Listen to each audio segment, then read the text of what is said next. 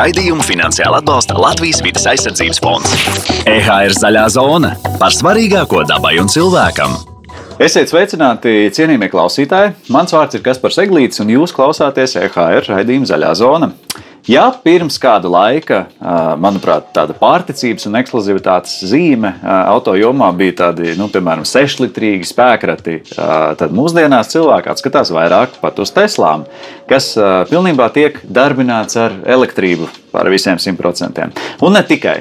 Cik drīz elektroautorāta kļūs par normu, nevis ekskluzivitāti, un cik tas patiesībā ekonomē, par to un ne tikai Šovakar parunāsim ar mūsu viesi Jāni Banku, drošas braukšanas eh, skolas vadītāju, plašāk pazīstam arī kā autosportistu autošosejā.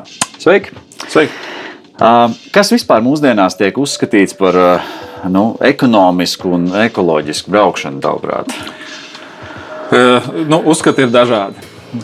Tas ir, manuprāt, absolūti gaužām individuāli, bet es domāju, ka ekonomiska un ekoloģiska braukšana ir Protams, viens ir, ja mēs runājam par elektroautorātu, tur ir daudz un dažādas diskusijas par to, tieši to ekoloģisko pusi šajā transporta līdzekļu variantā. Bet es domāju, ka ekonomiska un ekoloģiska braukšana ir tāda, kur mēs to transporta līdzekli, ko mēs pārvietojamies, mēs pielāgojam vai izvēlamies, pielāgojot savām nepieciešamajām nu, lietām ikdienā. Nu, ja mums nav vajadzīgs super milzīgs auto, auto jo mēs nezinu, dzīvojam centrā, strādājam centrā, vēl kaut ko, vai mums vispār ir vajadzīgs tas automobilis vai nē, vai mēs varam izmantot koplietošanas automobīļus, kas tagad ir ļoti populāri, vai arī sabiedrisko transportu. Labi, tagad Covid laikā tas sabiedriskais transports ir tāds nosacīts lieta, es arī saprotu. Un, bet es domāju, ka vairāk tas ir tāds, ka es izvēlos efektīvu transporta veidu, nu, pielāgojot un izvēloties to tam, kas man ir nepieciešams. Ja? Man varbūt, eh, ja man ir dienā jānobrauc tur, nezinu, 20 km un es esmu pārsvarā viens pats automašīnā, vai man ir vajadzīgs 6 litrīgs, tur 5-vietīgs, milzīgs kaut kāds auto, eh, vai arī es varu izmantot kaut ko krietni efektīvāku ja? un efektīvāku. Tā kā, tā, es domāju, ka vairāk ir tādi. Nu, es ceru, ka mēs ar laiku tomēr aiziesim projām no tā nu, no tādas nu, zini, nabadzīgas valsts principiem, ka, nu, ja man ir ārkārtīgi dārgs auto, tad es esmu kaut, kāds, kaut kādā ziņā pārāks par citiem. Ja? Nu, nekur rietumē Eiropā tādas lietas nestrādā, un ir skaidrs, ka cilvēki tiešām rēķina savu naudu un apzinās to, kas viņiem tiešām ir vajadzīgs, un tajā brīdī izvēlās tos transporta līdzekļus, kādi ir. Tas nav transporta līdzeklis, normālā gadījumā nav statusa objekts. Tas ir vienkārši transporta līdzeklis, lai pārvietotos no punkta A uz punktu B. Cita lieta ir tāda, ka tāpat kā es, tāpat ir daudz citu, kas ir benzīna galvas.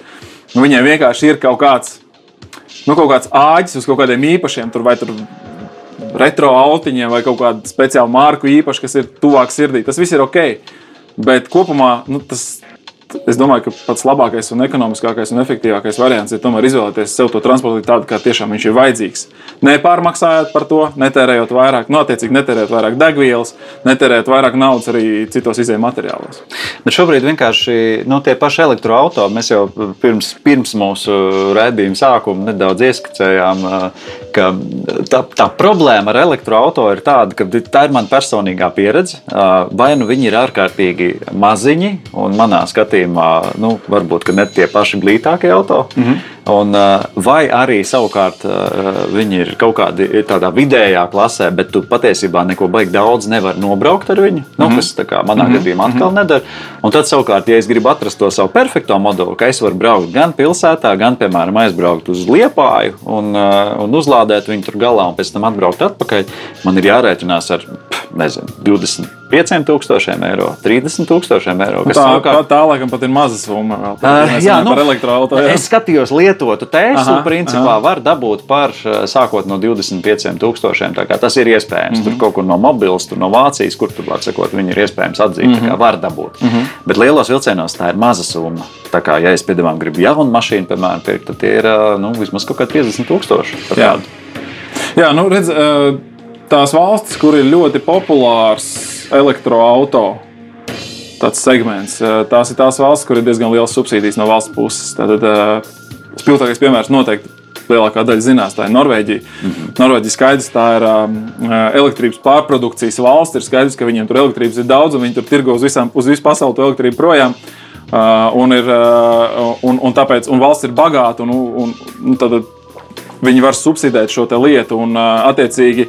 Valsts... Cik viņi, cik viņi, piedod, cik viņi subsidē? Uh, es nemācīšu pateikt precīzi, diemžēl. Es neesmu tā baigi pētījis, jo es Norvēģijā nedzīvoju un neplānoju tuvākajā laikā. Bet, okay. uh, bet uh, es zinu, ka tur ir diezgan jūtams šī, jūtam šis atbalsts no valsts puses. Nu, vai nu tur nodod savu fosilās degvielas automašīnu, un, un, un tev vēl valsts piemaksā kaut ko, un tad tā cena. Protams, ja viņa nolīdzinās tādai Teslai ar līdzīgas klases, līdzīgu auto, tad tu jau vari sākt aizdomāties. It sevišķi, ja tev tiešām tā, tā kilometrāža nav pārmērīgi liela. Kaut gan tagad jau nu, ar katru gadu jau tie elektroautorāti paliek modernāki un ar eh, lielāku to nobraukuma atlikumu vispārējo. Ja? Tad, tad jūs sākat domāt, ka, jā, kāpēc, kāpēc gan ne? Tad es to varētu. Latvijā nav nekāda tāda subsīdija. Vienīgais labums, kas ir eh, elektroautorāta, principā ir nodoklis. Izm, iespēja izmantot auto, auto, autobusam paredzētās joslas, sabiedriskā transporta joslas, un uh, Rīgas satiksmes stāvvietās bez maksas var no, no, novietot automašīnu. Nu, jā, un tas, cik tu ietaupi, varbūt kaut ko degvielu tur gadu, gadu ietvaros. Jā, nu, te atkal ir jāskatās, cik izmaksā elektrība un tā tālāk, bet kopumā, protams, tas ir drusku lētāk. Ja? Līdz ar to mm, it kā ieguvumi ir, bet viņi nav tik jūtami, lai nu, tu saņemtos nopirkt šo elektroautorātu par to pilno cenu. Ja būtu kaut kāda valsts atbalsta un tev, tev tā cena būtu, jo, piemēram, nu, ņemsim vienkārši piemēru. Model 3 Tesla, nu, tātad nu, vidējas klases automobīls. Nu, tāpat jauns viņš maksās, tur, tā kā tu minēji, jau 50 tūkstoši. Ja, nu, 50 tūkstoši var nopirkt jau augstākas klases, jau pat faktiski prēmiju segmenta jau automašīnu, ja, kur komforta līmenis būs labāks, aprīkojums būs labāks un tā tālāk. Ja. Un uh, tad tu sāc domāt, vai tiešām man to vajag. Bet, ja tā Tesla ar to valsts atbalstu kaut kāda būtu tajā cenā, kas ir tieši tās kategorijas, nu, teiksim, tur Volkswagen Golf vai tur Opel Astra, vienalga, kas tas nebūtu tāds. Tad jau, nu, jā, kāpēc gan ne? Tad es varētu nopirkt to Teslu. Kāpēc ne? Jo, jo ir, ir tie plusi. Es braucis diezgan daudz ar elektroautorātu.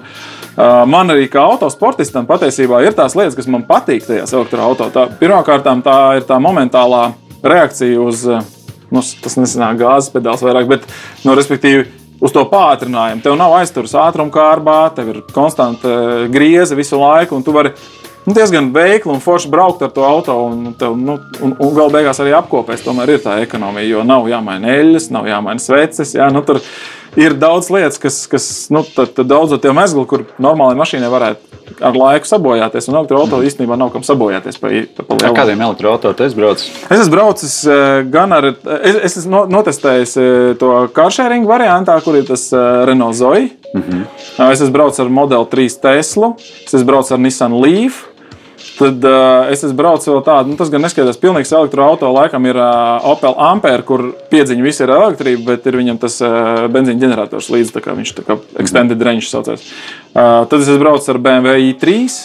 Nu, respektīvi, ar tādiem nu, laikam, populārākiem modeļiem, kas ir sanācis. Un arī ar to lielo Tesla modeli S, laikam, viņi skaitās. Mm -hmm. nu, tā, tā kā es esmu pabraucis ar viņiem, un ir forši. Tiešām ir, ir, ir fēna tā braukšana, un viss ir labi. Un es pat vienā brīdī pats aizdomājos, varbūt ir, nu, teiksim, tā varbūt es varētu iegādāties, es tepat te pierīgā dzīvoju un Rīgā strādāju, un, un teorētiski man tas reņģis pietiek. Tas bail bet... kaut kā. Es vienkārši domāju, nu, mēs tāda valsts, kas nav varbūt tur siltākā visā pasaulē. Nu, tagad, teiksim, ir ziema. Mums ir sasnieguši tie 15 mīnusā grādi. Nu, tad tagad brauc uz to savu ogri.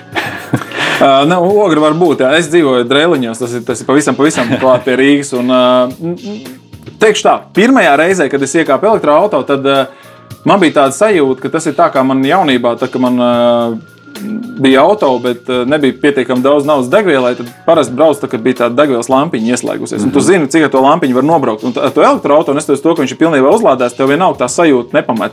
Ka tu brauc ar to lampiņu, jo tu visu laiku seko līdzi, cik tad es varēšu nobraukt. Ja? Jo, ja tu vienkārši parastās degvielas autiņiem ielai pilnu bāku, tu zini, ka tu nezini, tur nedēļu var nedomāt par to vispār. Bet ar to elektroautorātu visu laiku pievērs uzmanību tai, tam atlikumam, cik tev ir palicis vēl nobraukt. Ja? Nu, tas, bet nu, to jau laikam ar laiku. Tajā pašā laikā tu sāc domāt par to, vai man vispār vajag braukt. Iespējams, ka varbūt ka kaut kādas uh, posmas es varu nemaz nebraukt. Nu, tādā ziņā, ka tā, tā auto lietošanas ikdienas paradums mainās reizē, tā domāšanas paradigma mainās ar to. Pilnīgi noteikti.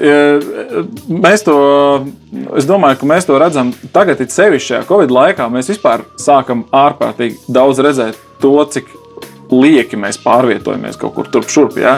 Jo ir ļoti daudz lietas, ko, piemēram, ļoti daudz darbi, ko var darīt no mājām, vispār nekur nebraucot projām. Ja? Vai, nu, jo ir viss attālinātās sasaistes, e-pasti. Nu, mums viss ir par rokai patiesībā. Kaut kā telefonā tu vari darīt ļoti daudz lietas. Nu, ja tev nav tiešām, ja tu neesi meistars, kurš ar rokām kaut ko rada vai kaut ko remontē un dara, kopumā nu, tu pat neesi īsti piesaistīts. Tu vari, tu, tu vari pat nebraukt. Un, un šis laiks varbūt arī ļauj mums padomāt, ka Hmm, vai man tiešām vajag braukt, vai es tomēr varu to izdarīt no mājām, vai kaut kā savādāk? Jā, vai man vajag ar katru mašīnu vest savu bērnu uz skolu, un vai gala rezultātā, vai tagad pat, pat uz veikalu var nebraukt. Nu, Rekur tev ir, nezinu, vismaz pieci uzņēmumi, kas atvedīs mājām, un patiesībā netiešā mērā tādā veidā tā ir zaļā domāšana. Tā ir.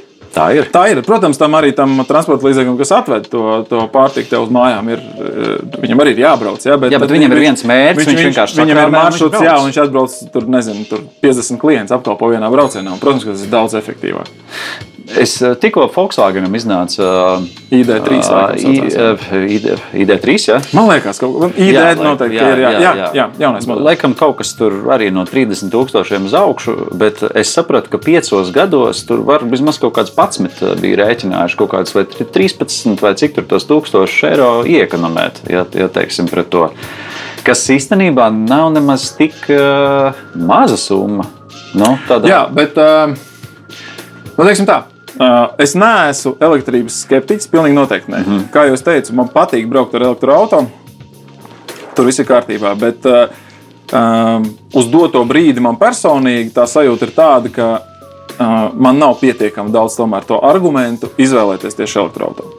Uh, vai tas ir uzpildes staciju ierobežotais daudzums?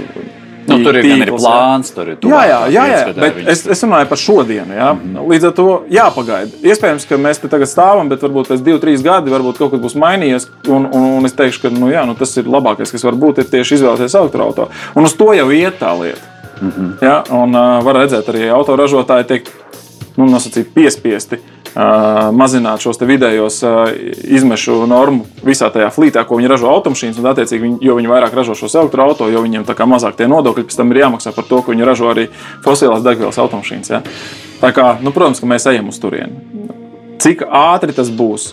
Kurā valstī būs vairāk, ātrāk, kurā vēlāk? Mēs noteikti nebūsim viena no pirmrindniekiem Eiropā. Ja? Tā kā tas vēl ir tāds, tā, tāds jautājums. Katrā ziņā es, protams, arī ar vienu acu skatos. Man ir daži, daži labi draugi, kas jau izmanto elektroautorātu. Viņi pilnībā starā par to un, un, un, un vispār nesaprot, kāpēc viņiem vajadzēja kaut, kā, kaut kad braukt ar kādiem citiem autotransporta līdzekļiem. Bet, mans, jā. mans rezumē personīgais beigās bija tāds, ka, ja grib ar šo te sākt kaut kādā veidā nu, koķetēt ar to elektroautorātu, tad ļoti labs variants, manuprāt, ir, ir hibrīds.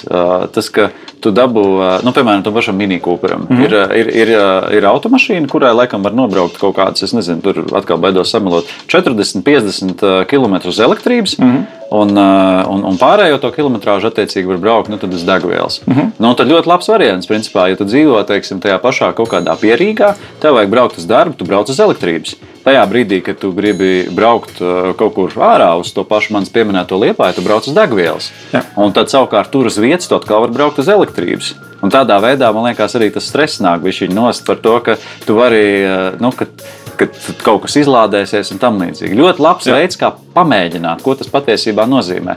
Tas, ka, protams, labi, hibrīds ir dārgāks, un tu nedabū hibrīdam, manuprāt, tu nedabū atvieglojumus nekāds. Vai, ne tik daudz, kā varbūt tas gada nodoklis viņš ir, viņš ir mazāks. Jā, tas ir pielāgots noteikti izmešu normai. Un, un, ja viņam ir tā izmešu norma no ražotāja noteikti mazāk, tad noteikti arī tas nodoklis ir mazāks. Jā, jā. jā nu, hibrīds ir labs variants tiešām pilsētas, pilsētas videi.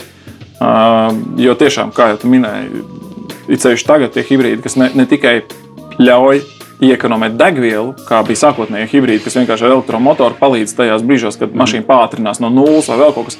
Viņi iedod to impulsu elektrisko un, attiecīgi, motoram vieglāk griezties, tad viņš attiecīgi sama, kā, mazāk patērē degvielu. Ja? Jo patiesībā tā, tā degvielas tērēšana jau ir vislielākā tieši tajā brīdī, kad mums jāizkustina tas objekts un viņš nu, mm. jāpātrina līdz konkrētam ātrumam. Ja? Tā kā, tā kā tas ir, protams, ir viens no variantiem. Bet, um, nu, Es kaut kā vairāk, nu, tas tomēr ir kaut kāds kompromiss vai vidusceļš. Nu, tāpēc es vairāk, nu, es tā kā nesliecos vairāk uz hibrīdu. Es vairāk domāju, sagaidīt to brīdi, kad tiešām es jutīšu ka tas elektroautorāts varētu būt tas labākais transporta līdzeklis, kas varētu būt. Un tad tajā brīdī es arī skatīšos, ko tur var nopirkt. Okay, runājot par to brīdi, kurš kaut kad nākotnē būs, tu kā auto eksperts, tuvāko piecu gadu laikā, kā tavuprāt, mainīsies vispār tāda ikdienas autobraucēja paradumi? Kas ir tās lietas, kas noteikti nepaliks tādas, kādas mēs šodien šeit stāvot piedzīvojam? Nu, Pirmkārt, mans maizes darbs, protams, ir droši braukšanas skola un attiecīgi viss, kas ir saistīts ar satiksmi un ar, satiksmes, un ar attiecībām starp autovadītājiem satiksmē. Un es jau tagad redzu, un mēs to ļoti labi varam, manuprāt, visi redzēt, ka Eh, lai arī mēs vēl esam tālu no tās kultūras, kas eh, uz, uz ielām būtu labs piemērs, kas ir citās Rietumē Eiropas valstīs. Eh, mēs tomēr virzamies druskuļi uz priekšu, un katru reizi mēs paliekam labāki un labāki. Un labāki. Un, respektīvi, mēs paliekam druskuļi iecietīgāki, pacietīgāki, laipnāki varbūt viens pret otru. Mēs esam tālu no tā, vēl esam. Bet mēs ejam tur, jo, piemēram, ja mēs paskatāmies atpakaļ, nu, Vēl desmit gadus atpakaļ neviens pat īsti pie gāja pārējais negribēja bremzēt. Nu, cilvēki arī daudz biežāk kāp ārā no mašīnām, lai pastāstītu, ko viņi domā tam šoferim aiz muguras. Tas gan varētu būt, ka uh, to, to kaiti, uh, manuprāt, ir izārstējis šī video reģistrātora. Jo tagad viss tiek filmēts, un tu nekad nevari zināt, kurās ziņās tu trāpīsi ar savu muļķīgo izgājienu, izkāpjot no mašīnas ārā. Bet, uh, jebkurā gadījumā, mēs esam teiksim, tas rāvēs lēdzēja princips un vēl kaut kas. Viņš parādās, un ar katru dienu mēs tomēr paliekam druskuļi. Mēs tagad jau kā nu, faktiski. Nu, No ārkārtīgi bieži tomēr tu pamani to, ka tiešām cilvēks apstājās. Šoferīts apstājās pie gāja pārējais, palaiž kādu pa priekšu un vēl kaut ko tamlīdzīgu. Nu, tās visas lietas, un es ceru, ka tajā piecgadē uz priekšu, ja mēs tā skatāmies, ka tas vienkārši ar katru gadu aizies. Nu, skaidrs, ka ir jānomainās kaut kādām paudzēm. Skaidrs, ka ir vecā skola, kuru vispār gandrīz ne, nebūs iespējams pāraudzināt. Un, un, bet atkal, savukārt, jaunie autovadītāji, viņi nāk, viņiem ir cita tā domāšana. Un tā jaunā paudze, nu, man ir uz viņu liels cerības, uz to jauno paudzi, ka tie tomēr būs tādi apzinīgāki, iecietīgāki, nosvērtāki, varbūt autovadītāji, kas tomēr cienīs nevis to, ka tev ir dārgāka automašīna, bet to, ka tur ir pie, pie automašīnas stūris ir cilvēks. Primāri tas ir cilvēks. Un tev ir jāciena cilvēks, nevis tas, ar kādu automašīnu viņš brauc. Un mums vajag to līmeni sasniegt, un tad viss būs kārtībā. Tad, nu labi, cik kārtībā mēs esam atkal jau, mēs esam tūkstošiem dažādu cilvēku, un mums mm -hmm. visiem ir jābūt tajā satiksmē.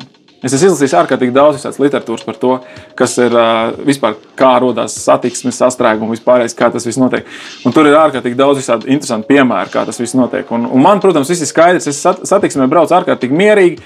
Labi, ok, man ir iespēja saplānot foršu savu laiku. Es nekad nekur īsti tā nesteidzos, ja tā var teikt. Un tāpēc man nav nekāda stresa, un es varu kādu palaist, un es varu piebremzēt, un man nav jāpārkāp ātrums. Ja? Bet uh, mēs esam ārkārtīgi dažādi. Kādam ir tāds auto, kādam šī tāds, kādam ir, viņš pātrinās labāk, kādam sliktāk bremzē, kādam ir sliktāk lukturi, kāds, kāds sen nav braucis pie stūres, kāds nemāk braukt ar mehānisko kārbu, kāds tur vēl, kādam ir sliktāka reakcija, redzē. Nu, mēs esam ārprātīgi dažādi. Mm -hmm. Bet mums visiem ir jābūt uz tās ielas, un visiem ir kopā jāsadzīvo. Tas ir viena. Un, protams, ka tajā brīdī, kad tas viss, tā visa vārza sanāk iekšā uz to vienu to joslu, ne, sākās visi tie konflikti. Jo viens nesaprot, kāpēc tas tā vēlkās un kas tur notiek. Un tad viens izdomā, ka viņam nav jārāda pagrieziens, jo viņš ir pats pats svarīgākais un tā tālāk. Mums ir jāsadzīvo kaut kā. Un es ļoti ceru, ka tā uz priekšu ejot, ka mēs tomēr tā tolerants parādīsies lielāka un ka mēs tomēr cienīsim to cilvēku pie stūres. Ja, pat ja tu jūti, ka priekšējais nu, nedara tik strauji vai tik labi, kā tu to vari darīt, tu nekad nevari zināt to iemeslu. Mm -hmm. Cita lieta ir tāda, ka tas bija nivelējās uz to, ka Uh, ir tā mūsu tā sēga lietot mobilos telefons. Un tad ir tas, ka, ja cilvēks lieto mobilo telefonu pie stūres, viņš tur sāk tiešām pagriezienu nerādīt, viņš kaut ko nokavē, tad viņš neredz, ka ir jau zaļais luksusforu signāls ieslēdzies. Tad tas besī ārā. Es zinu, es saprotu. Bet ja mēs izņemam ārā no tā no tā saraksta mobilo telefonu, mēs nekad nevaram zināt, tiešām, kas tur ir pie stūres, kas tam cilvēkam ir. Varbūt viņam kaut kāda nelaime ir dzīvē notikusi. Varbūt viņam ir 90 gadi. Viss kaut kas var būt. Runājot par vecāku gadagājumu cilvēkiem, un par to, tur, es, es esmu par to, ka tomēr ne, nepieciešama tā medicīniskā kontrole ir biežāk un, un stingrāk, un tomēr pārbaudīt to cilvēku medicīnisko stāvokli. Vai tiešām, vai, lai nav tā, ka viņš var aiziet pie 30 gadus pazīstama ģimenes ārsta, kurš viņam iedod to izziņu, viss ir kārtībā, patiesībā vajadzētu varbūt kontrolēt vairāk, lai tomēr satiksmē piedalās cilvēki, kuri, kuriem ir reakcija, kuriem ir redze. Nu, būsim reāli. Ja? Bet nu, es gribētu tomēr, lai autovadītāji bišķi vairāk iejūtās cita lomā, un tomēr bišķi vairāk padomā par citu, nevis tikai par sevi. Labi, augoša tolerance. Pēc pieciem gadiem sastrēguma, tavuprāt, būs vēl? Protams. Būs. Kāpēc? Protams. Nu, tāpēc, ka nu, pirmkārt, sāksim ar to, piedod, ka es ne, mazliet pārtraukšu. Jā. Tu pats pieminēji to, ka uh, aizvien vairāk attīstās piemēram šīs koplietošanas uh, automašīnas. Tas nozīmē, ka cilvēkiem teorētiski vajadzētu mazāk braukt iekšā pilsētā, jo viņi vienkārši izmanto šīs automašīnas. Ir visādi šie veloskūteri, piemēram, kas nozīmē to, ka tā ir alternatīva taksometram. Tas neveido nekāds sastrēgums. Kāpēc viņi vēl aizvien būs? Nu, zini, kā, eh, es nemāku paredzēt uz priekšu. Šobrīd sastrēgumi, manuprāt, ir skaidra lieta. Kāpēc? Tāpēc, ka cilvēki tiešām aizvien mazāk grib izmantot sabiedrisko transportu. -hmm. Tikko viņi neizmanto sabiedrisko transportu, protams, katrs tas indivīds pa vienam aizviet, aizņem vietu automašīnā, un automašīna aizņem vietu uz ceļa. Un līdz ar to tās automašīnas ir vairāk. Un tagad mēs šajā te vasarā, it sevišķi, un, un, un tajā rudenī, kad ir sevišķi, kas sākās skola skolniekiem, pirmos, pirmās, pirmos mēnešus. Mēs redzējām, ka bija ārprātīgi sastrēgumi Rīgā, tas ir tieši tā iemesla dēļ, ka tas sabiedriskais transports paliek tukšāks. Mēs to redzam arī autoskolā. Patiesībā ne tikai jaunieši, 18 gadīgi, bet arī cilvēki, kuriem nekad nav bijušas autovadītāja tiesības, viņi nāk un liek tiesības pēkšņi 30, 40, 50 gadu vecumā. Kāpēc? Es negribu braukt ar autobusu. Man ir iespēja braukt ar mašīnu, es baidos, tur nu, ir vīrusu, tas šitais. Iemesli ir miljonus visādi dažādi, bet to var redzēt, un tā tendence ir. Tas nozīmē, ka tās vieglās automašīnas būs aizvien vairāk un vairāk, neskatoties to, ka ir šie alternatīvie transporta līdzekļi. Mm -hmm. Tāpēc es tā, nu, jā, ja mēs apstāsimies pie zaļā, nenobloķējot krustojumus, ja mēs palaidīsim viens otru rāvēslēdzēju principā, cienīsim viens otru, netaisīsim muļķīgas kļūdas, eh, skatoties telefonā, lai nu, kaut kādām riebīgām avārijas situācijām, vēl kaut ko tamlīdzīgu, būs jau labāk. Ja, ja pandēmija noies un, un cilvēks sāks izmantot arī sabiedrisko transportu, būs vēl labāk. Mm -hmm. Saprot, nu, Alternatīvie transporta līdzekļi, jā, tas viss ir saistīts savā starpā, un tu, tu to nevar iz, izslēgt. Kādu auto pirkt demokrātiskajā cenu segmentā, tavuprāt? Kas ir demokrā, demokrātisks eh, cenu segments? Nu, nezinu, līdz desmit tūkstošiem, piemēram. Oh, nu, tas jau ir uh, ļoti. Nu, Nu, labi. tas ir virsdemokrātiskais. Ok, Okay, domāju, jo ok, okay, būsim ok. okay. reāli. Nu, Latvijā demokrātiska cena Nu, es biju laikam ir- domājis, jaunu, teiksim, auto. Ā, labi. jaunu, jaunu, jaunu līdz desmit, tur pieņemsim, labi, tas ir pavisam demokrātiski. Bet, piemēram, lietots auto, labi, palaidīsim latiņu zemāk. Lietots auto 5, 6 tūkstoši eiro. nu, kas ir laikam populārākais vispār cenu segments Latvijā. Ja Jā, kas ir, kas ir tas, ko, ko šobrīd vislabāk pirkt no, no visiem no nākotnes paredzamajiem ā, nodokļu pieaugumiem, tāpēc ka CO2 ā, un visiem citiem aspektiem? Nu, redzi, eh, tas ir ļoti plašs jēdziens. Tā kā es sākumā arī teicu par to, ka mums ir jāsaprot, kas ir tas tava ikdiena, kas tev ir vajadzīgs. Vai tev ir tur nav bērnu, tu esi viens pats. Dzīvo es, Rīgā. Es, es, es iedošu piemēru. Jā, es, iedod es, piemēru. Mhm. piemēram, dzīvoju uh, Pierīgā, nu, teiksim, 30 km radiusā ap Rīgu. Es katru dienu braucu uz uh, darbu, kur es ikdienā mazliet pārvietojos ar auto, un pēc tam es braucu atpakaļ. Būtībā man nav nenormāli garie gabali, bet automašīna ir mana uh, ikdienas uh, nu, priekšrocība. Okay. Uh, nu, Pirmkārt, visdrīzākais, nu, Latvija vispār ir dīzeļzeme. -huh. uh, kas patiesībā nav pareizi īsti. Jo konstruktīvi dīzeļu dzinējs ir paredzēts lieliem nobraukumiem, respektīvi starppilsētu izmantošanai.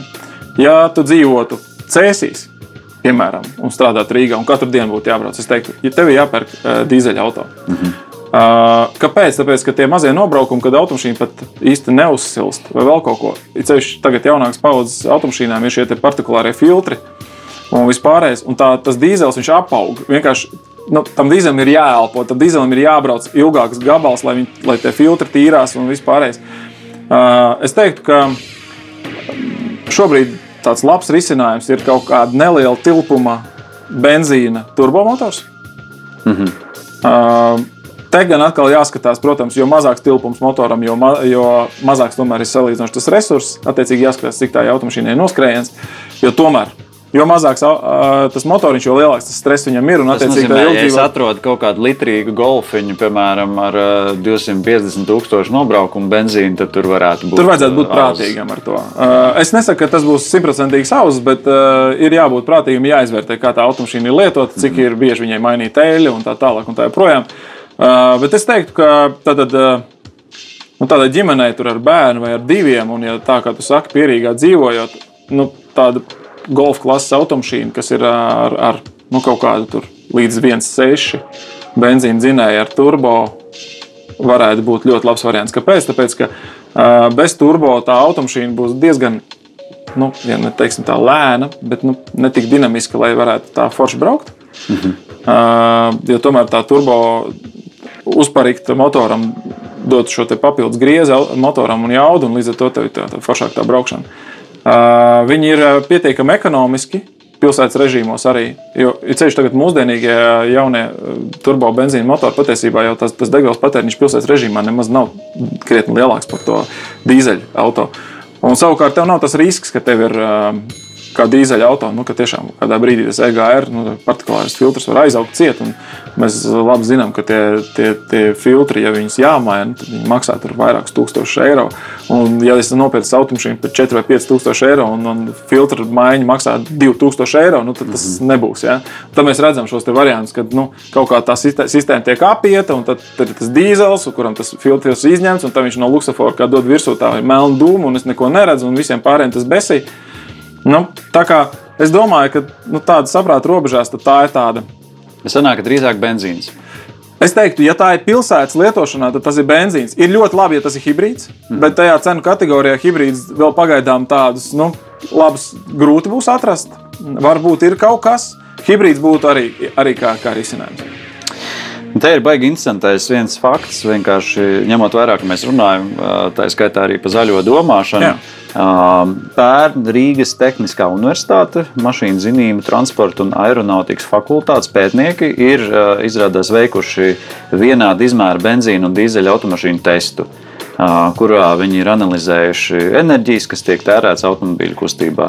Un, kas interesanti, tā testa rezultātā tika salīdzināts arī degvielas sadegšanas procesā atmosfērā izdalītās ogliskābās gāzes daudzums. Un tas, ko viņi konstatē, ir, ka dīzeļmotoru auto, automobīļiem degvielas sadegšanas procesā tas CO2 izdalījās apmēram par 20% mazāk. mazāk nekā automobīļiem ar benzīna motoru. Tad, tad sanāk, ka tas būtībā tas augstāk minētais pētījums savā ziņā nu, apgāž šo biežo pieļāvumu par to, ka nu, par, par labu benzīna automašīnu. Uh, nu, sanāk, ka, sanāk, ka būtībā cilvēkam, uh, kas, tad, jā, kas, tad, kas tad būtu tas, kas uh, tādam nu, ekoloģiski domājošam cilvēkam būtu jāņem vērā? Uh, Jo sanāk, ka dīzels patiesībā būtībā ir, ir, ir labāks nekā benzīns. Jā, redzi, e, tu man uzdevi jautājumu, un es piegāju šim te, šeit atbildēju ar tādu no praktiskā viedokļa. Jo mm -hmm. tas, ka es zinu, ka dīzelim ir uh, mazāk šī izmeša, ja pie kaut kādiem vienādiem nosacījumiem, bet uh, tas nemazina to faktu, ka kaut kādā brīdī, ja tas nav starppilsētā lietojams dīzelis, ka tev nebūs jāmaina šis partikulārais filtrs, kas maksā nenormālu naudu. Un, ja tu man vienkārši kā draugam prasītu, ko man izvēlēties. Mm -hmm. Tāda bija tā mana atbilde. Ja mēs runājam par pilnīgu ekoloģiju vai vēl kaut ko, es teiktu, ka nu, nevajag vispār automašīnu braukt. Izmantojiet mm -hmm. nezinu, sabiedrisko transportu, alternatīvos transporta līdzekļus. Uh, es pieļauju, ka hibrīds salīdzinājumā pret dīzeli, jebkurā gadījumā izmešas taisīs mazāk, jo tur ir šis te, um, elektrodzinēja mhm. fakts vēl mm -hmm. klāt. Ja? Bet atkal jau, tad mums jāskatās šīs cenu kategorijas un jāsaprot, kas notiek. Jo mums tomēr nu, ar to automašīnu būs jādzīvo. Mums ir jāskaita kapeka, tomēr, un mums jāsaprot, cik viņi būs apdrošināti, cik viņi būs jāapkop. Bet tomēr dīzelim arī apkops būs dārgāks nekā benzīniekam. Ja? Tā kā nu, no tā praktiskā viedokļa arī ir jāskatās. Savukārt, nu, Tāpēc es teicu, ka jāpērk nu, teiksim, mazlitrāžas turbo benzīna motors. Tas būs daudz efektīvāks un vidē draudzīgāks nekā, piemēram, ja mēs tagad izmantotu 3-litrīgus dīzeļu dzinējus vai 5-litrīgus benzīna dzinējus. Ja? Nu, skaidrs, ka tas mm -hmm. ir mhm. pilsētā pilnīgi godīgs, bezjēdzīga lieta. Uh, ja, piemēram, mēs gribētu uzskaitīt tādus uh, ekoloģisks autobraukšanas paradums. Nu, ne tikai ekolo, ekoloģisks, bet arī ekonomisks. Kas būtu tās lietas, ko cilvēki varētu darīt, pieņemsim, jau šodien, lai, lai, lai samazinātu, piemēram, degvielas patēriņu? Brauktu ekoloģiskāk pēc būtības. Nu, es pieļauju, ka ir kaut kāda. Jā, ir, protams, ir. ir. Nu, sāksim ar to, ka transporta līdzeklim jābūt labā tehniskā stāvoklī. Ieskaitot spiedienu riepās. Mm -hmm. Jā, jo, piemēram, cik, ja mums, ir, cik, ir, cik ir jābūt, kā var cilvēks saprast, cik ir tam spiedienam jābūt? Katrai automašīnai no ražotāja ir kaut kur šiltīt, Parasti tā šiltīte ir šofera durvīs atverot kaut kur iekšā. Šeit, vai arī kaut kur bagāžniekā. Līmē, tur to uzlīmē. Jā, jā, jā. Vai, nu, ir jābūt, vai arī users manual, nu, respektīvi lietošanas instrukcijā, vai kaut kur ir jābūt norādēji par to, kādiem ir jābūt riepas spiedieniem konkrētai automašīnai. Jo riepas spiediens atšķirās no tā, kāda izmēra riepas mums ir. Vai mums ir 15 soli augsta profila riepa, vai tā ir tur, nezinu, 18 soli zem profila riepa. Viņām ir dažādi spiedieni. Bet kā, bet vienam auto jau var uzlikt arī dažādas, dažādi augstuma jā, jā, un, un tajās tabuliņās parasti ir atzīmēti, jo ir ražotājs, jā, jā, jā, ražotājs parasti nosaka, nu, teiksim tā, konkrētam modelim ir tur, nezinu, tur atļauts tikai 16, 17 colu riteņi ar tādu un tādu izmēru, kas būtu pareizi pret to automašīnu lietot. Jo, ja mēs lietosim kaut kādu nepareizu izmēru riteni, mm -hmm. tad, attiecīgi, spidometrs mums nerādīs pareizi, jo diametrs riepai būs cits, tad, attiecīgi, rādīs lēnāk vai ātrāk, un tas jau arī nav pareizi. Uh, un tad tur ir norāde ne tikai, kad mēs braucam, piemēram, viens, bet ir, piemēram, ja mums pēkšņi ir pilna automašīna un, uzkrauta krava, nu, bagāžniekā, mm -hmm. tad ir jāpiepūš riteņi vēl vairāk. Nu, tur, un tur tas ir norādīts tajās tabuliņās. Un tam ir jāsako līdzi, jo, piemēram, ja mums ir pa maz uh, spiediens riepā, mašīnai rīts pretestība būs lielāka. Ja rīts pretestība būs lielāka, tad kustināt viņu būs grūtāk, un ja viņi būs kustināti grūtāk, tad arī patēriņš būs lielāks. Mm. Mēs nerunājam par litriem, mēs runājam par kaut kādām daļām. -hmm. Bet, jebkurā gadījumā, tad arī, arī, arī riepas, arī savirze, automašīnas savirze, sagāzums, ja viņi, viņi ir kaut kur šķība un kaut kas viņa atkal neripo. Un atkal, ja viņi neripo, tad atkal patēriņš ir lielāks. Tad automašīnai ir jābūt tehniskā kārtībā un ar pareizu spiedienu riepās. Tas ir pirmais. Bet, principā, sanāk, tādam, īstenībā tas ir labs punkts tādam komerctransportam. Teiksim, tie uzņēmumi, kuriem ikdienā, es nezinu, visādiem tiem bulciņu vāģiem un visādiem citiem, kas tiešām katru dienu drasē entos simtus kilometrus tad būtībā viņiem ir ļoti liela nozīme tam, vai tās riepas ir vai nav piepumpētas. Jā, un jo, vai viņas ir piepumpētas? Tās summas taču tur var ietaupīt īstenībā, nu, ja ne tur miljonus, tad tur katrs mazais daudz. nieciņš, katrs mazais nieciņš tur dara savu, un tur beigās tie, tie izmēri ir lieli. Cevišķi, ja, ja tā automašīna brauc uzkraut visu laiku, tad varbūt jāiz, jāizvēlas tas spiediens uzreiz jau ir tāds, kas ir domāts uzkrautai automašīnai. Jā. Bet tas nozīmē, ka tu vari vienreiz uz, uzkraut automašīnas spiedienu un piepumpēt, un tādu arī viņi atstāt. Vienkārši tad, kad viņi nebūs uzkrauti, tad būs mazliet cietāk braukšana. Uh, jā, bet ir jāņem cita viena lieta vērā. Ja riepa ir pārpumpēta, mm -hmm. ko nozīmē? Tas nozīmē, ka ja es viņas uzpumpēju uz to, ka automašīna ir piekrauta, un tagad es viņas izkrāpu ārā, riepa, riepa uzreiz vairs nenoguļās uz to visu plakni. Viņa nu, paliek drusciņi. Ne tā kā vajag, mm -hmm. nestāv uz ceļa. Ko tas nozīmē? Pirmkārt, pastiprināts dilums riepai vidū, protektoru vidū būs vairāk izdilums.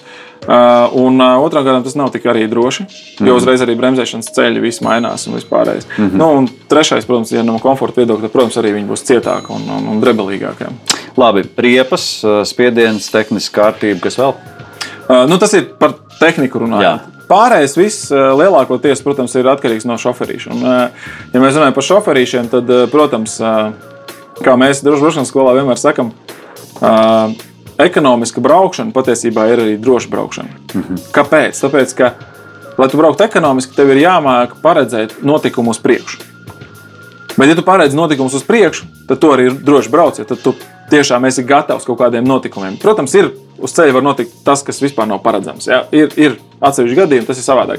Bet, piemēram, ja es braucu nezinu, pāri tiltu, kur tilta galā ir luksafors, un ja es redzu, ka luksafors tūlīt būs sarkanā gaisa, man būs jābremzē. Es jau varu mazināt ātrumu laicīgi, nevis tur spiest gāzi līdz pēdējiem un tad strauji bremzēt. Nu. Pienācīsim, ka tu negribi pirmais paspēt sarkanā. Atkal jau. Tāpēc ir ekonomija vai tomēr kā mēs uz to skatāmies. Jā, Nē, nu vēl jau droši vien tā agresīvā braukšana arī nu, paredz to, ka teiksim, ļoti intensīva plūsma šosē, piemēram, tas nozīmē to, ka arī tev ir straujas, straujas akcelerātora pedāļu spiešanas un straujas bremzēšanas, kas nozīmē, abas divas jau šīs lietas tērē īstenībā vairāk degvielas. Tas pat nav par ātrumu. Absolūti, un jebkura tāda saraustīta braukšana, kad mums ir bremzēšana, jo katru reizi, kad mēs nobremzējam, mums būs atkal jāpātrinās līdz kaut kādam konkrētam ātrumam. Mm -hmm. Un uh, tas patērēs liekto degvielu. Ja mēs varam plūdeni uzturēt to konstantu ātrumu, tas noteikti būs ekonomiskāk. Kas ir ar to autiņu sildīšanu no rīta? Vajag sildīt vai nē? Uh, uh, es teikšu tā, uh, kādreiz vajadzēja. Kāpēc? Tā, tā ir tīra tehniska lieta. Kādreiz automašīnās, automašīnas nebija tik gudras, kā viņas ir šobrīd. Uh, visi tie termostāti un visas pārējās lietas. Mm. Daudzām automašīnām jau ir mūsdienīgām automašīnām ir iebūvēti tā saucamie prehīteri, iepriekš uzsildīšanas lietas. Ko nozīmē? Tas nozīmē, ka tu jau, nezini, tikko izbrauc no mājas ar augstu automašīnu, tev jau, jau nāk siltais gaiss, tur jau apsilda salonā vispārējais. Tas nozīmē, ka viņiem jau ir kaut kādas recirkulācijas, kur viņi tur kaut kā ģenerē un, un uz, tur to siltumu. Uh, un uh, arī eļļas mūsdienās, uh, eļļa tomēr ir jau nu, daudz tehnoloģiski attīstītāka. Un vairs nav tā, ka viņai vajag būt tai viskozitātei tādai, lai, mm -hmm. nu, lai, lai viņi varētu nu, pie, pie siltuma tikai strādāt. Protams, ir forši, ja mēs varam pasildīt, bet atkal jau mašīna stāv uz vietas, mašīna dedzina degvielu, tad ja mēs nevaram runāt par ekoloģiju. Jā, cita lieta ir tāda, ka, ja mēs braucam ar augstu automašīnu, uzsākam braukt, tad, protams, pirmkārt, mēs nedrīkstam augstos apgriezienos uzreiz dzīt motoru. Skaidrs, ka viņam ir jā, jāiedarbojas un nu, jāizdara to prātīgi. Ir, ir, ir, ir, ir tādas automašīnas, kurām tas gan ir vairāk sportiskākas automašīnas, kurām ir pat tahometrā. Nu, tur, kur apgrieziens rāda, mm -hmm. motoram ir, ir lampiņas, kuras nodziest, attiecīgi, nu, rādot maksimālos apgriezienus, nodziest pie tā, cik ir uzsils motors. Mm -hmm. ja, tas, tas vien jau rāda to, ka, jā, ka ar augstu motoru var braukt, bet ar viņu vajag braukt nu, mēreni un prātīgi. Tu nedrīkst uzreiz gāzt grīdā un tagad laižam. Plus vēl arī es tā, vienmēr esmu strīdējušies, vai vajag sildīt vai nevajag sildīt, bet patiesībā, ja tu sāc braukt, tā automašīna uzsils ātrāk. Jo tomēr tu patērē vairāk degvielu braucot, nekā stāvot uz vietas. Līdz ar to tā enerģija viņa radās vairāk, un attiecīgi viņš arī ātrāk uzsilst. Tā kā, nu, par to vēl zinātnieki druskuļi strīdās, bet uh, es teiktu, ka nē, nu, katrā ziņā es to nedaru. Cita lieta ir tāda, ka, ja es gribu braukt ziemā un ziemā autiņš ir apsnidzis, tad es labāk no sākuma viņu iedarbinu un tad mm. viņu tīru. Jo tajā brīdī es jau iekāpšu, man jau būs atkusuši logi un tā, un es varēšu braukt, bet es jau būšu no auto notīrījis. Nu, tas ir tīri tāds komforts apsvērums. Kā tev šķiet, nu, tagad jau kā autosportistam vairāk jautājums. Nākotnē sacīkstes būs bez skaņas ar elektroautorātu. Vai, vai, vai tomēr, vai tomēr nu, tu pats minēji, ka tu esi benzīna galva? o, es esmu ārprātīgs benzīna galva. Ārprātīgs. Es, es, bet, uh, Nu, teiksim tā, es arī pasaules sportam sekoju līdzi, un šobrīd es neesmu sev piespiedzis skatīties elektroautorāta sacensības. Jo es skatos, ka, piemēram, tāpat Parīzē, Dakārā tur jau ir kas brauc ar elektroautorātu. Es to vispār nesaprotu. Nu, bet redz, ka notiek. Bet tā ir nākotne un autoražotājiem. Ir skaidrs, ka uz to ir jāiet, un viņi tāpēc arī tur tiks tērēta šī nauda un tiks, tiks tās tehnoloģijas testētas lai saprastu, ko tur var, ko nevar, pie kādiem ekstremāliem apstākļiem kaut kas strādā un kaut kas nestrādā. Ja? Mm. Un, Nu, es domāju, ka diemžēl kaut kādā brīdī būs tā, ka visi galvenie sacīkšu seriāli tomēr vairāk izmantos elektri, elektrisko vai arī ūdeņraža kaut kādu tur, nu, variantu, kā, kā, kā darbināt dzinēju. Un, jo nu, uz to tas iet. Arī šobrīd Formule 1 jau brauc faktiski ar hibrīdu tehnoloģiju. Man pat vienā brīdī likās par to, ka nākotnē varētu būt tā, ka tu vari, eh, nu, piemēram, iegādāties kaut kādu sporta automašīnu, tu vari, tu vari iegādāties uzreiz paku, eh, kā viņi skanēs. Nu, jo tev nu, kā, nu, vajag jau kaut kādu skaņu, teiksim, šis būs kārtīgs Ferrari motors, vai tas tur skanēs, piemēram, tā. Es domāju, ka tā jau arī nu, no drošības viedokļa kaut vai tad, man šķiet, ka tā varētu būt viena no nākotnes problēmām. Manuprāt, būs arī regulas kaut kādas, kas, kas, kas paredz to, ka tev tam viņam vajag, vai, vai elektromotociklam, vai vienalga, ka viņam vajag šo skaņu. Jā, ir jau vairākas Eiropas valstis, kurās ir arī kaut kāda noteikuma par to. Ja tu jau nedzirdi, ka fiziski viņi tuvojās. Jā, jā ir tāda lieta. Nu, cit, nu, atkal no otras puses, tas, tas skaņas piesārņojums ir mazāk pilsētā, kas arī nav slikti. Nu, tur, ir, tur var skatīties no dažādiem punktiem uz to visu, bet uh, atbildot uz tavu jautājumu, uh, es domāju, ka nu, manā gadījumā, nu, kā tādam vecam sportistam, jāsaka, diemžēl, bet, uh, bet nu, varbūt arī par laimi grūti pateikt, iet, iet šis viss iet uz to, ka visdrīzākais, ka galvenie visi sacīkšu seriāli būs elektrizēti. Jā. Nu, redz, un, nu, noslēgumā tāds jautājums. Zaļi vadīt, nu, teiksim, ja, ja, ja cilvēks grib iemācīties tiešām braukt pēc visām tām, visiem tiem ieteikumiem, par kuriem mēs izrunājām, braukt zaļi, braukt ekonomiski, braukt varbūt labāk, vai viņam ir jādodas vienkārši pie kaut kāda zaļā instruktora, vai tikpat labi tā patiesībā ir droša braukšana, kas ir tavā gadījumā arī droša drošs uh, braukšanas autoskola. Mums ir, uh, mums ir arī kurs, kas ir drošs un ekonomisks braukšanas kurs. Jums ir atsevišķs kurs tam? Jā. Mums ir atsevišķs kurs ekonomiskai braukšanai, kas ir apvienots ar drošu braukšanu, un tur ir gan teorētiskā daļa, kur mēs izstāstām, kā var ekonomiski braukt. Es pieskāros tikai dažiem mm -hmm. no tiem punktiem, tur ir ļoti daudz visādi nianšu, kas, kas, kas ir. Plus droši braukšana. Un, ja to visu apvieno, tad ir baigi fēni. Pirmkārt, tāpēc, ka mums nav stresa nekāda, mēs zinām, kā pārvaldīt automašīnu un paredzam notikumus uz priekšu. Otrkārt, mēs ekonomējam degvielu un tādā veidā arī saudzējam savu spēku. Tas nozīmē, ka to var iemācīties. Jā, to var iemācīties. Sen jau? Jā, mēs jau sen to darbojamies. Jā. Lielākoties šādas, te, protams, izvēlās korporatīvie eh, klienti, jo ir liela autoparka, kā tu pats minēji. Mm. Tātad transporta firmas, kurās tiešām katrs iekonomētais tur eh, litra. Katra iekonomētā litra daļiņa uz kopējo fonu ir ļoti liels ietaupījums, bet eh, tā ir. Tā ir. Un, uh, mums bija interesanti, mums, tas bija šī gada sākumā, man liekas, vai pagājušā gada beigās. Mēs, mēs regulāri apmācām uh, Rīgas pašvaldības policiju arī šajā te drošā braukšanā un ekonomiskā. Un, uh, un mums bija atnāc, ar godu rakstu, mums atnāca un teica, ka pēc mūsu apmācībām esot par 20% samazinājies degvielas patēriņš mm -hmm. un līdz 30% samazinājušies izdevumi uz autoremontiem. Un tie, manuprāt, ir ārkārtīgi lieli un jūtami skaitļi, kas arī pašam tev, kā teiksim, savā privātā saimniecībā, ir skaidrs, ka tu vari iekonomēt līdz 30% uz remontiem, jo tu vienkārši pareizi lieto automašīnu. Un, un, un, un 20% vēl ieguvums arī degvielas patēriņā, tad tas ir ne tikai pa maciņu, bet arī zaļi. Izklausās vienkārši fantastiski. Nu, ko? Tad, tad klausītāji zina, ja nu gadījumā kas to var iemācīties un, un, un, un tiešām arī ietaupīt naudu un gala rezultātā arī nu, domāt zaļāk. Un arī drošāk braukt. Arī drošāk braukt, Tieši kas, tā. kas, kas būs ā, nu, ārkārtīgi liels atspējas visai sabiedrībai kopumā. Nu, tad, tad mēs zinām, varam meklēt Jāni Banku Jā. Vai www.dbslv. vai www.dbslv. Un, ā, nu, jā, teikšu liels paldies par ā, sarunu. Braucam droši. Braucam droši. Braucam prātīgi, Cienām viens otru. saudzējam sevi un tiekamies EHR redzējumā Zaļā zona. Lielas paldies par sarunu! Paldies! Raidījumu finansiāli atbalsta Latvijas vidas aizsardzības fonds.